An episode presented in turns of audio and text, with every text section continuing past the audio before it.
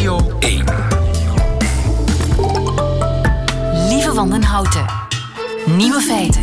Dag, dit is de podcast van Nieuwe Feiten van donderdag 5 april, waarin we niet dieper ingaan op het nieuws dat een kwart van de mensen met een job twijfelt of die job wel nuttig is voor de samenleving. Dat blijkt uit een groot onderzoek in Nederland bij werkende mensen in meer dan 40 landen. 8% weet het zelfs zeker dat wat ze doen geen enkel nut heeft. De resultaten verschillen sterk van land tot land. In Polen bijvoorbeeld zitten de meeste zinloze jobs, in Noorwegen de minste en wij zitten ergens tussenin met 10% jobs zonder nut. Vooral mensen in de PR en de reclame voelen zich nutteloos, maar ook financiële managers en economen. Over radiopresentatoren geen woord. Wat zijn dan wel de nieuwe feiten vandaag? Wel, de drugsproblematiek in Antwerpen zou een gevolg zijn van het Nederlandse gedoogbeleid. Dat beweert burgemeester De Wever. Muziekles volgen maakt kinderen slimmer. De Saoedi's gaan na de olie nu ook massaal waterstof exporteren. En twee keer op één weekend draaide in Dordrecht een date via een app uit op een knokpartij. Het middagjournaal komt van Nico Dijkshoorn. Veel plezier. Nieuwe feiten.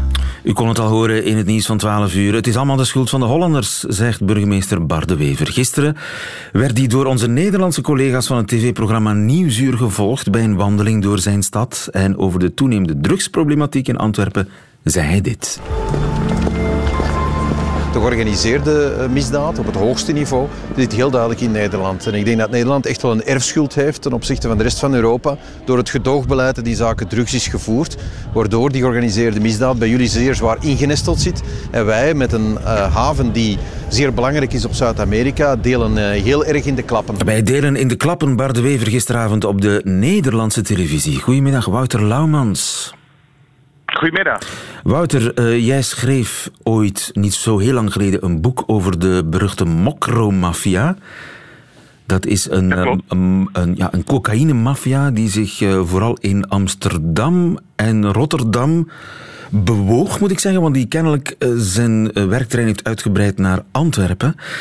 Um, dat Nederlandse gedoogbeleid, dat is de schuldige. Dat brengt Antwerpen in de problemen, zegt de burgemeester. Klopt dat? Ja, het is een beetje makkelijk om dat te stellen. Um, wat ik tegenkwam in mijn research, en uh, ik ben begonnen in 2012 met, uh, met de research van mijn boek, is dat Nederlandse drugscriminelen heel erg nauw samenwerken met uh, Antwerpse uithalers. Er zijn hele families. Uithalers? Wat zijn uithalers? Uithalers zijn mensen die partijen cocaïne van boten halen uit de container. Vandaar ook de term uithaler. En er zijn hele families in uh, de wijk uh, Borgerhout die eigenlijk leven van het uithalen van, uh, van cocaïne. Je moet het zo zien. Um, de drugshandel is net water. Die verplaatst zich naar het laagste punt. De Nederlandse drugshandelaren zijn naar Antwerpen gegaan omdat de haven daar zo lek is als een zeef, of zo lek was als een zeef. En dat is waardoor die hele drugseconomie daar, uh, daar eigenlijk uh, zo is opgebloeid. Ja, en da dat de Wever dat zegt, begrijp ik wel. Hij is een conservatief politicus. Maar ik denk, uh, van een politicus mag je toch ook oplossingen verwachten. En het zwarte, toeschuiven van de Zwarte Piet naar Nederland. Ja, ik weet niet of dat zinnig is. Wat, wat je eigenlijk zou moeten constateren is dat dit misschien een gezamenlijk probleem is. Want uh, Bart Wever die zegt uh, nog meer in Nieuwsuur. Wat wij de laatste jaren gezien hebben, wat het kook betreft, is dat er een verschuiving is van de haven van Rotterdam naar Antwerpen. Wij vingen ongeveer vijf jaar geleden 5000 kilo. Uh, vorig jaar was dat meer dan 40.000 kilo. Dus 40.000 kilo op vijf jaar tijd. Een, ik kan niet zo snel hoofdrekenen, maar het is in ieder geval een verveelvoudiging van de laatste vijf jaar. Maar wat u daarnet vertelde over die families in Borgerhout die als uithalers in opdracht van Nederlandse maffiabazen drugs gaan uit de Antwerpse haven naar Nederland brengen. Uh, die uithalers waren al actief uh, meer dan vijf jaar geleden. Ja, goed. Uh, hoe lang ze precies actief zijn, dat weet ik niet. Kijk, uh, ik ben begonnen uh, bij de research, met de research voor mijn boek in 2012. En toen werd er eigenlijk de hele start van het conflict, waar, waardoor ik bij dit onderwerp betrokken ben, dat was een ruzie in Antwerpen over cocaïne die zou worden uitgehaald uit een boot. En die uithalers zouden die cocaïne ofwel gestolen hebben, of die cocaïne zou in beslag genomen zijn. En dat is een dat draait het nu al lang niet meer om. Maar dat is ooit de start geweest van, van ja, eigenlijk alle, uh, alle ellende. Dus die uh, drugsmafia die, die werkt al jaren grensoverschrijdend. Er is al jaren trafiek tussen de haven van Antwerpen en Nederland. Maar hoe verklaart u dan die toename van de voorbije vijf jaar? Ja, ik, uh, volgens mij heeft uh, de federale overheid ook de controles aangescherpt in de, in de haven van Antwerpen. En ja, er is natuurlijk gigantisch veel geld mee gemoeid. Dus dat er, dat er gestuurd blijft worden, ja, dat, dat, dat, is, dat is een feit. En daarbij staat de haven van Antwerpen natuurlijk is een heel moeilijk te controleren gebied. Als je kijkt naar de haven van Rotterdam, dat is eigenlijk een soort trechter. En de haven van Antwerpen, dat is eigenlijk een gebied waar je heel makkelijk in en uitkomt. Dat heeft gewoon met de layout van die haven. Uh, met de gewone, de, de, geografie te maken. Antwerpen is, is, moeilijker controleerbaar dan Rotterdam. Zijn ze in Rotterdam uh, strenger gaan controleren, waardoor de trafiek zich wat meer naar het zuiden heeft verlegd, naar Antwerpen? Ja, eh, je moet niet, vergis je niet dat in Rotterdam ook echt wel met uh, regelmaat van de klok gigantische partijen uh, cocaïne in beslag uh, genomen worden. Dus de manier, hoe ik het zie, is dat die drugshandelaren die zoeken, en dat, dat heet in dat wereldje naar een deur. En dat is een deur waardoor ze die drugs Europa in krijgen. En als die deur in Antwerpen zit, dan gaan ze naar Antwerpen. En als die deur in Zuid-Spanje zit, dan gaan ze naar Zuid-Spanje. Als die deur in Rotterdam zit, gaan ze naar Rotterdam. En als die deur in Hamburg zit, gaan ze naar Hamburg. Ja. Dus zo werkt het een beetje. Maar het punt van Bart de Wever was dat het gedoogbeleid dat jaren gevoerd is in Nederland, dat dat eigenlijk ja, die narco-staat eh, heeft doen ontstaan. Nou ja, dat, dat, dat er uh, inderdaad een grote drugseconomie is in Nederland. En die is inderdaad dat die is voortgekomen uit misschien wel een tolerante houding uh, ten aanzien van drugs. Ja, dat, dat valt ook helemaal niet te ontkennen. Maar wat, wat ik me uh, daarbij afvraag is: oké, dus is het dan de, schuld van Nederland dat er in Antwerpen mensen zijn die drugs uithalen? Ja, dat is een manier om naar te kijken. Hè. Ik, ik vind daar verder niet zoveel van, maar want ik ben journalist. maar het is natuurlijk wel zo dat je zou kunnen beargumenteren van Goh, uh, wat is dan de oplossing volgens meneer De Wever? En ik denk dat dat heel moeilijk is, want over de haven heeft hij volgens mij niks te zeggen. Daar gaat de federale overheid over. Ja, en in ieder geval, het is een grensoverschrijdend ding. Uh, er speelt vaak zoiets als het waterbedeffect. Als uh, ergens strenger wordt opgetreden, dan verdwijnt de drugstrafiek naar laksere oren. Dus dat betekent dat we vooral moeten samenwerken, zegt u, en ik niet... Zou, ik, ik zou zeggen van wel, want kijk... Als je kijkt waar uh, het gros van de drugs die door Nederland uh, door Nederlanders verhandeld wordt, is bestemd voor de export. Dan zou je kunnen zeggen, ja, doordat die buitenlanders zoveel snuiven, hè, uh, hebben wij dit probleem. Ja, dat is, volgens mij moet je gewoon bekijken, moet je het gewoon bekijken als een Europees probleem is, is Amerika schuldig aan het feit dat Mexico een ontregeld land is door de drugs? Ja, ik weet het niet. Ik vind het een moeilijke vraag. Ja, en misschien is het uh, inderdaad uh, zinvoller om, het, om er op een andere manier naar te kijken. Dankjewel. Uh, Wouter in Amsterdam met een, een moeilijke lijn. Wouter Laumans, goedemiddag. Radio 1. Nieuwe feiten. Kinderen die een instrument leren spelen op school, die hun punten liggen veel hoger. Arthur Jaschke, goedemiddag. Goedemiddag. Arthur, je bent onderzoeker aan de Vrije Universiteit van Amsterdam. En je hebt bijna 150 kinderen van ongeveer zes gedurende 2,5 jaar gevolgd. Klopt. Kinderen die muziekles kregen en kinderen die geen muziekles kregen. En wat blijkt? Ja, wat blijkt? Het blijkt dat uh, kinderen met muziekles beter presteren op schoolprestaties en daardoor gewoon ook hun cognitieve vaardigheden verbeterd zijn. Dus na 2,5 jaar uh, van muziekles. Dus ze scoren beter in testjes en scoren ze ook beter op het centrale examen, want dat is natuurlijk de ultieme test. Ja, na het centrale examen, we hebben wel de CITO-scores meegenomen uh, om te kijken of ze daarin verbeteren. En we hebben wel een, uh, een ja, verbetering bij de kinderen gezien. Uh, op die CITO-scores die juist met muziek in aanraking kwamen. Dus die gewoon structureel 2,5 jaar lang muziekles gekregen hebben, hebben ze beter gepresteerd. En muziekles, is dat dan solfège, zoals we dat in Vlaanderen noemen, notenleer? Of moeten ze ook echt een instrument leren spelen? Het was een combinatie van. Dus dat kind mocht een instrument kiezen. het mocht het instrument niet mee naar huis nemen. Het mocht alleen maar op school. Dus dat probeerden wij gewoon zoveel mogelijk voor te controleren dus. En uh, daarnaast ook zingen, noten lezen, uh, naar muziekjes luisteren en ook van alles. Hè? Dus eigenlijk van Bach tot met Beyoncé naar alle muziek. En dat was dus gewoon die combinatie van deze ja, bijzondere muziekles en die bijzondere muzieklessen die we aangeboden hebben. Maar moeten we nu concluderen dat kinderen intelligenter worden als ze muziekles krijgen? Nee, nee, dat is het. Zo makkelijk is het helaas niet. Uh, kijk, het, is, het, werkt zo dat uh, als we muziek oefenen of muziek bespelen, dezelfde hersengebieden actief zijn dan als wij uh, alkedaagse taken uitvoeren, zoals planning of uh, werkgeheugen of aandacht. Dus dat overlapt. Dus als je heel veel muziek traint, worden die netwerken in het brein ook geactiveerd en gestimuleerd en verbeterd, die voor deze uitvoerende functies noodzakelijk zijn. Maar dat betekent niet dat je intelligenter wordt. Je weet alleen maar je brein beter te gebruiken. En dat is wel een fundamenteel verschil binnen de neurowetenschap. Uitvoerende taken heet dat ja. dan, hè? Of, en wat zijn ja. dan uitvoerende taken bijvoorbeeld? Nou, nou die uitvoerende taken of executieve functies, zoals wij dat noemen, dat is inderdaad planning, werkgeheugen, uh, dat je je kan afremmen, de sociale remming, dat je dus een beetje rustiger wordt. Uh, aandacht is er een van, werkgeheugen, korte termijn geheugen, uh, motorcontrole, emoties. Dus allemaal die dingen die wij gewoon elke dag, de ene beter natuurlijk, de andere slechter, maar die wij elke dag doen. Die eigenlijk ons, ons maken als mens. En muziek spelen is een training voor die executieve functies? Het is mede een training voor deze executieve functies, inderdaad, ja. En ja, is er genoeg muziekles op school? Uh, nou, dat is gewoon juist het punt. Nou, ik kom net uit uh, Engeland, waar ik wat praatjes gegeven heb. Daar wordt het wel structureel toegepast. Uh, ik ga volgende week naar Duitsland, waar het ook structureel toegepast wordt. Grappig genoeg, in Nederland wordt het gewoon niet genoeg toegepast. Er is veel te weinig muziekles op school. Ik ben me niet helemaal bewust van de situatie in België.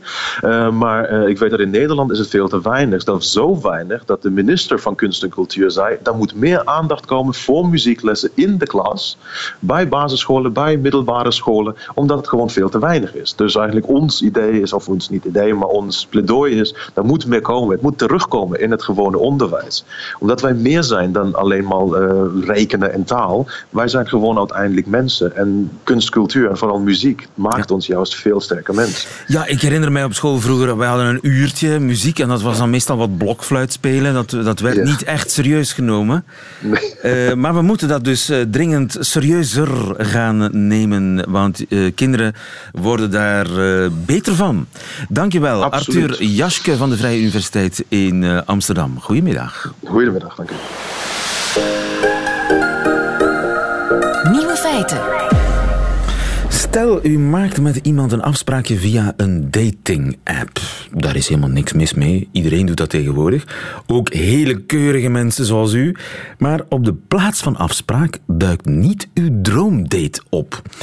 Wel een bende agressieve tieners die u in elkaar willen slaan. Het gebeurde dit weekend. Twee keer in Dordrecht. Elisabeth Timmermans, goedemiddag. Goedemiddag. Elisabeth, jij deed uh, onderzoek aan de Universiteit van Rotterdam, de Erasmus Universiteit. Onderzoek naar dating-apps. Het ging twee ja, keer uh, volledig mis met een date in Dordrecht. Wat is daar eigenlijk gebeurd? Ja, um, zoals ik het begrepen heb, zijn het dan um, homoseksuele mannen via Grindr. Die hadden afgesproken met elkaar. En dan op de ontmoeting werd één dus heel, helemaal verrast, omdat daar mensen stonden waarvan dat hij niet had verwacht dat die daar zouden staan. Ja. En dat had natuurlijk heel ernstige gevolgen voor die persoon. Ja, ja het gebeurde twee keer. Hè? Dus het is kennelijk een bende tieners die een fake account op Grindr heeft aangemaakt. Uh, om zo mannen in de val te lokken en in elkaar te slaan. En de, de bende sloeg uh, zowel op vrijdagnacht als op zaterdagnacht toe in een parkje. Eén uh, onfortuinlijke dater die raakte gewond. Een andere, die van zaterdag, die kon nog vluchten. Inmiddels zijn twee jongens, geloof ik, al opgepakt, waarvan er eentje 14 is, daders. Een andere 17. Dat is krankzinnig, hè? Ja. ja, het is heel jammer dat zoiets gebeurd is eigenlijk, ja. Maar gebeurt dat vaker met dating-apps, dat het op geweld uitdraait? Goh, er zijn eigenlijk geen concrete cijfers over, maar ik heb met een uh, paar ja, wetenschappers en experts van over heel de wereld het daar eens over gehad. En um, het, het, idee hier rond is eigenlijk van vanaf het moment dat er een datinghorror is, dus wat er hier gebeurd is, dat gaat echt over een datinghorror, dat je afspreekt met iemand die dan uiteindelijk heel anders blijkt te zijn. En in dit geval zelfs... Eh, fysieke gevolgen kan hebben voor de persoon die heeft afgesproken. Maar in principe komen die datinghorrors relatief weinig voor. Nu, vanaf het moment dat het voorkomt, krijgt het heel veel media-aandacht, terecht ook natuurlijk. Maar door die media-aandacht gaan mensen denken dat het veel vaker voorkomt dan dat het effectief voorkomt. Ja, en hier is sprake, neem ik aan, van homo-haat. Dus dit is specifiek uh, iets wat op Grindr voorkomt, niet op Tinder. Ja, um, er zitten natuurlijk ook um, homoseksuele gebruikers op Tinder, maar de platformen verschillen heel sterk. Dus Grindr is een platform echt van mannen, eh, gemaakt voor mannen, uh, waar dat de meeste mannen elkaar dan ook gaan ontmoeten. Dat heeft voor hen verschillende voordelen, omdat ze natuurlijk een platform hebben waarop ze elkaar kunnen ontmoeten en weten van elkaar van oké, die persoon heeft ook uh, interesse om te ontmoeten of seks te. Het is heel seksgericht en het is vaak anoniemer. Bedoel je dat? Ja, ja, dus um, hoe moet ik het zeggen? Dus op Tinder heb je bijvoorbeeld een maximum van zes foto's die je kan laten zien. En het Tinder-account is gekoppeld aan het Facebook-account. Dat wil zeggen dat je niet zomaar eender welke foto op je Tinder-account gaat plaatsen. Dus moeilijker met te Grindr, Ja, en met Grindr is het veel anoniemer. Dus ze moet niet per se gekoppeld worden aan een Facebook-account. En mensen kunnen eender welke foto daar uploaden. Plus, ze kunnen constant foto's met elkaar uitwisselen. Terwijl Tinder die functie verboden heeft. Dus op Tinder kan je geen seksueel getinte foto's naar elkaar sturen. Terwijl dat op Grindr wel kan. Ja, dus Grindr zou eigenlijk de app een beetje veiliger kunnen maken, mochten ze dat willen. Er zijn manieren om de app veiliger te kunnen maken. Um, er zijn bijvoorbeeld datingwebsites die echt vragen aan mensen om een paspoortinformatie te geven, om zo te zorgen dat er zeker geen fake accounts zitten. Nu, voor Grindr is dat een, een, een moeilijker geval, omdat voor verschillende homoseksuele mannen zijn nog niet helemaal uit de kast of willen niet dat eender wie te weten kan komen dat ze gay zijn. Dus vandaar dat die anonimiteit voor hen heel belangrijk is en dat ze ook niet zomaar hun paspoortinformatie aan een app willen geven. Zeker nu dat het meer en meer bekend raakt dat de dating-apps of apps in het algemeen heel veel informatie over ons bezitten en die zomaar kunnen of willen doorverkopen aan derde partijen. Ja, ook de klanten van uh, de gebruikers van Grindr uh, houden nogal vast aan hun anonimiteit in veel gevallen. Nu, uh, ja. los van de apps en of we die veiliger kunnen maken, um, hoe kan ik veilig daten met een app? Uh, afspreken in een parkje, wat kennelijk in Dordrecht is gebeurd, dat is geen goed idee. Hè? Nee, en zeker niet wanneer dat je voor de allereerste keer met iemand afspreekt. Dus vaak het, het ja, nieuwe aan die dating-apps is natuurlijk dat je met eender wie in contact kan komen. Vaak volgen daar heel fijne ontmoetingen uit. Maar het ding is natuurlijk ook dat je niet altijd weet wie dat er aan de andere kant van het schermpje zit. Nu, um, dus een park, een geen, goede, geen goede plaats om af te spreken. Bij iemand thuis, is dat veilig? Um, ja, ik merk, ik doe nu verschillende interviews met mensen en ik merk van dat er een soort van onbeschreven code ontstaan is van als je de eerste keer bij iemand thuis afspreekt, dat er een soort van verwachting ontstaat dat er iets seksueel kan gebeuren, omdat je natuurlijk niet meer ver verwijderd bent van de slaapkamer. Dus als je zoiets wil vermijden, als je geen verkeerde indrukken wilt wekken, dan is het beter om de eerste keer zeker in een openbare publieke plaats af te spreken waar dat er veel sociale controle is. Dus zeker een café, iemand... restaurant, ja, ja, en zeker als je iemand nog nooit hebt gezien, Uh, via een app heb je altijd tweedelige informatie. Je weet eigenlijk niet hoe een persoon zich gedraagt, hoe dat hij kijkt, hoe dat hij spreekt. Vanaf het moment dat je echt afspreekt, dan kom je die zaken te weten. En dan kan het bijvoorbeeld zijn dat dat jou een onaangenaam gevoel geeft. Als je in een publieke plaats hebt afgesproken, zoals inderdaad een café of een restaurant, dan kan je makkelijk wegwandelen. Maar wanneer dat je bij iemand thuis afspreekt, dan maakt het ook al veel moeilijker. Vandaar zou ik het zelf nooit aanraden om een eerste keer bij iemand thuis af te spreken. Ja, maar dus zijn dating-apps veilig? Het antwoord daarop, het korte antwoord daarop is ja. Op zich is niet dat er meer datinggeweld is door de komst van dating-apps. Dus niet dat de apps zelf daar een belangrijke rol in gespeeld hebben. Nu, iemand met foute bedoelingen, die dat je sowieso in de offline datingwereld ook kan tegenkomen, kan natuurlijk even goed naar een dating-app grijpen als jijzelf. Dus daarom moet je toch wel altijd voorzichtig blijven. Voorzichtig blijven in uh, het echte leven en online, uiteraard. Dankjewel, Elisabeth Timmermans, eh, voor dit gesprek. Een bijzondere goedemiddag. Nieuwe feiten. Grote manoeuvres in Saudi-Arabië. Ze willen daar niet arm worden na de omschakeling op duurzame energie wereldwijd. Nee, ze bouwen daar het grootste zonnepanelenpark ter wereld. Dat gaat 200 gigawatt produceren. Dat is de helft ongeveer van alle zonne-energie die vandaag in de hele wereld wordt gemaakt. Een ware energiebom dus, weliswaar voor binnenlands gebruik, want ze hopen daar vooral bedrijven aan te kunnen trekken met die uh, hoeveelheid uh, energie, die weelde aan energie. En wat er nog overschiet, ja, dat gaan ze exporteren. Maar kan dat eigenlijk wel? Professor Van Dijk, goedemiddag. Goedemiddag, lieve. Elektriciteit, u bent uh, fysicus, professor fysica van de Universiteit van Antwerpen. Elektriciteit van op het Arabisch schiereiland naar bijvoorbeeld hier exporteren, dat, dat lukt toch nooit? Uh, ja, wel, dat lukt wel. Dat lukt wel. Uh, het is zelfs toekomstgericht, hè, want zij beginnen er veel meer zon en veel meer open ruimte in, dus bijvoorbeeld de, de woestijnen, dan hier. En de dichtheid, dus energie die erop valt, er zijn ook heel weinig wolken, is enorm groot. Maar je hebt toch enorm verlies op, op, kabels als je elektriciteit naar hier brengt? Ja, met kabels is eigenlijk niet doenbaar. Als je nu een huidige hoogspanningskabel neemt in België, uh, 110.000 volt, die heeft maar 200, ongeveer 200 megawatt, dan heb je duizend kabels nodig. Ja, Alleen maar om die productie, dat gaat niet. Maar je kan het wel uh, via omzetten van elektriciteit in waterstof. Uh, dat is heel eenvoudig te doen. Je doet dat met elektrolyse, gewoon elektriciteit, twee kabels in water hè, met elektrolyt en het water splitst terug in waterstof en zuurstof. De waterstof vang je op en die pers je samen of die koel je af. En het wordt een vloeistof. Wat die vloeibaar wordt. En de uh, vloeibare waterstof heeft de hoogste energiedichtheid per kilogram. Dat is 30, zelfs drie keer beter dan benzine. Dus de Saudis kunnen daar uh, eerst waterstof van maken.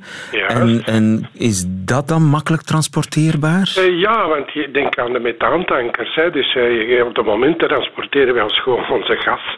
Buiten hetgeen dat via de pijpleidingen komt, komt via methaantankers. Ja. En methaantankers die kunnen ongeveer, voor ik het goed heb, iets van de orde van 200.000 kubieke meter opslagen.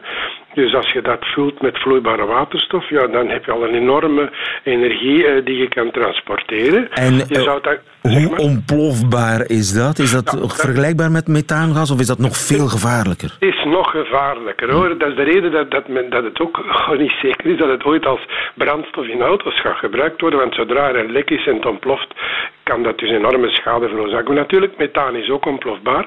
Dus uh, het moet industrieel gebeuren. Het moet met grote schepen die speciaal daarvoor ontworpen zijn. Maar het is te doen. Maar er is een, is een enorme voordeel voor ons. Want stel een keer dat, ik zeg maar iets, dat een, een, een kerncentrale van Doel finaal alleen nog zou werken op uh, vloeibare waterstof, dan komt er een methaantank, een, een tanker aan en dan moet men die waterstof, men kan die opslagen, dat is al een voordeel, strategisch opslagen, dat je niet direct afhankelijk bent van politieke situaties.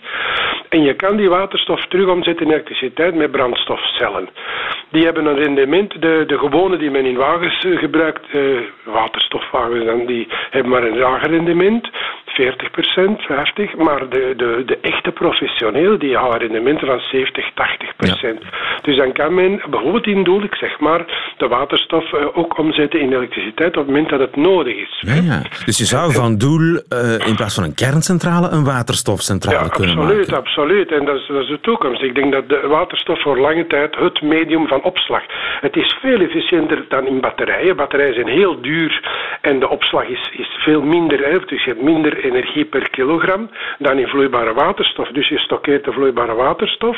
Uiteraard, dat moet met de nodige omzichtigheid, dat moet in heel speciale tanks.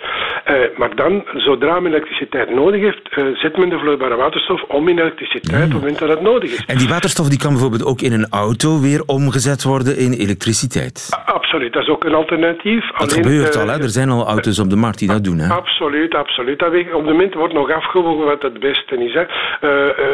waterstof heeft drie keer meer energie per kilogram dan benzine, dus je zou met een kleinere tank verder kunnen rijden, maar het is een heel gevaarlijk gas als je moet tanken. Hè. Ja. Het opslagen kan, kan beter, hè. Je moet oppassen dat als je een botsing maakt, komt die energie vrij. Maar merkwaardig, veel mensen beseffen dat niet, maar elke energieopslag is gevaarlijk. Hè. Ook een lithiumbatterij kan ontploffen. Hè. Ja. Uh, daar zit ook een manteltje rond. Dus de, als er energie opgeslagen wordt en die komt vrij, is het altijd ergens gevaarlijk. Altijd, altijd gevaarlijk. Dus in auto's is het, uh, wordt, gebeurt het al, zij het op kleine schaal. Ja. Zou het in vliegtuigen kunnen? Uh, ja, zeker. Hè, zeker. Uh, al, nee, pas op, ik moet een stukje uh, reactievliegtuig. Een vliegtuig werkt altijd met reactiekracht. Dat is niet een schroef. Moest het een schroefvliegtuig zijn, wel. Een schroef kan je aandrijven elektrisch. Maar bij een reactievliegtuig moet je een hoeveelheid massa, materie uitstoten om een voorwaartse kracht te krijgen. Zo'n actie-reactie. Dus je moet iets naar buiten smijten. En op dat moment zijn dat dus gassen die dan heel hoge snelheid buiten gesmeten worden.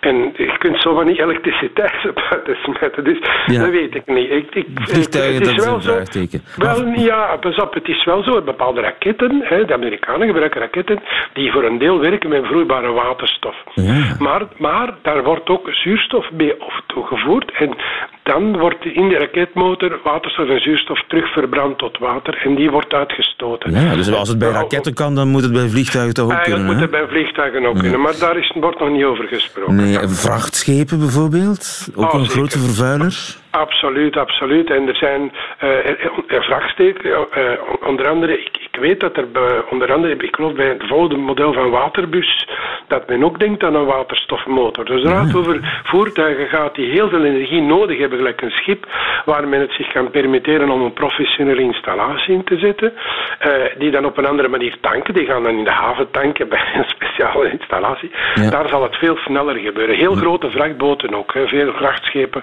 gaat dat ook snel gebeuren, denk ik. Dus ja, die Saoedi's die zijn niet gek. Dit kan iets worden. Ik denk dat dat een veel betere investering is dan bijvoorbeeld in toerisme. Hè. Je weet, er zijn wat golfstaten die investeren in toerisme, nieuwe eilandjes en dergelijke. Ik denk investeren in de energie van de toekomst is, is een betere investering. En het is trouwens met geld van een uh, Japanse bank, hè, de Softbank, die daar geld in steekt in dat Saoedisch project. Dat zegt maar toch wel iets over de lange termijnvisie van Absoluut. bepaalde investeringsmaatschappijen. Dus de combinatie zonne-energie-waterstof heeft de toekomst. Heeft volgens mij echt de toekomst, ja, absoluut. Dankjewel, professor Van Dijk. Goedemiddag. Goeiedag, lieve, dank u. Dag. Nieuwe feiten. Nico Dijkshoorn is de man die het middagjournaal bijhoudt deze week voor Nieuwe Feiten. Wat heeft hem vandaag, de 5 april 2018, wat heeft hem vandaag gefrappeerd? Waar is hij mee bezig? Over naar Leiden. Nieuwe feiten.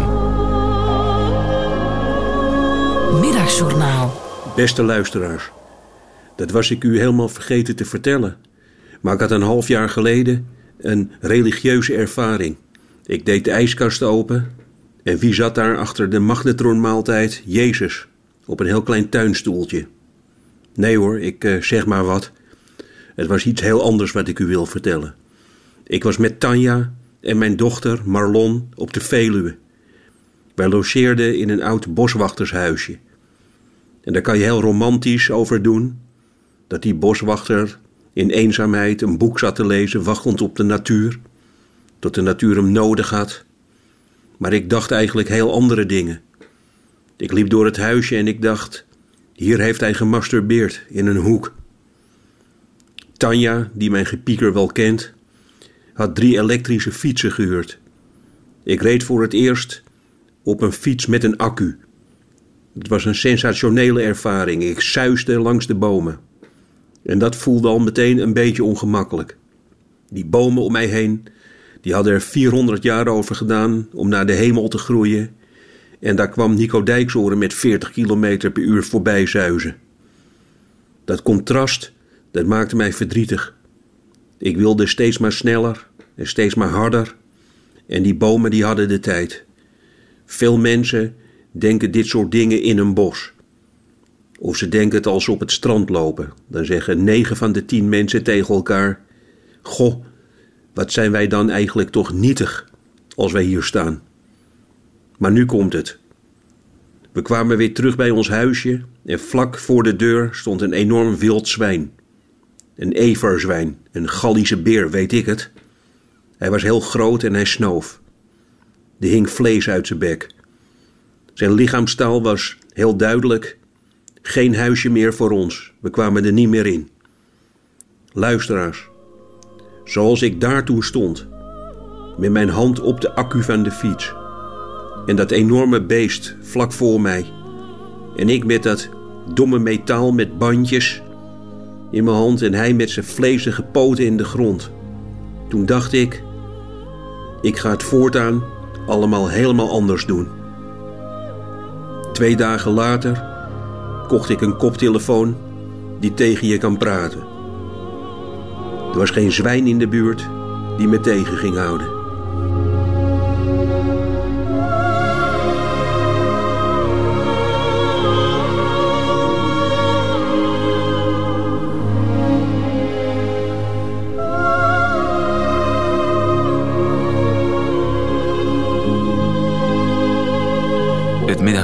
Met Nico Dijkshoorn.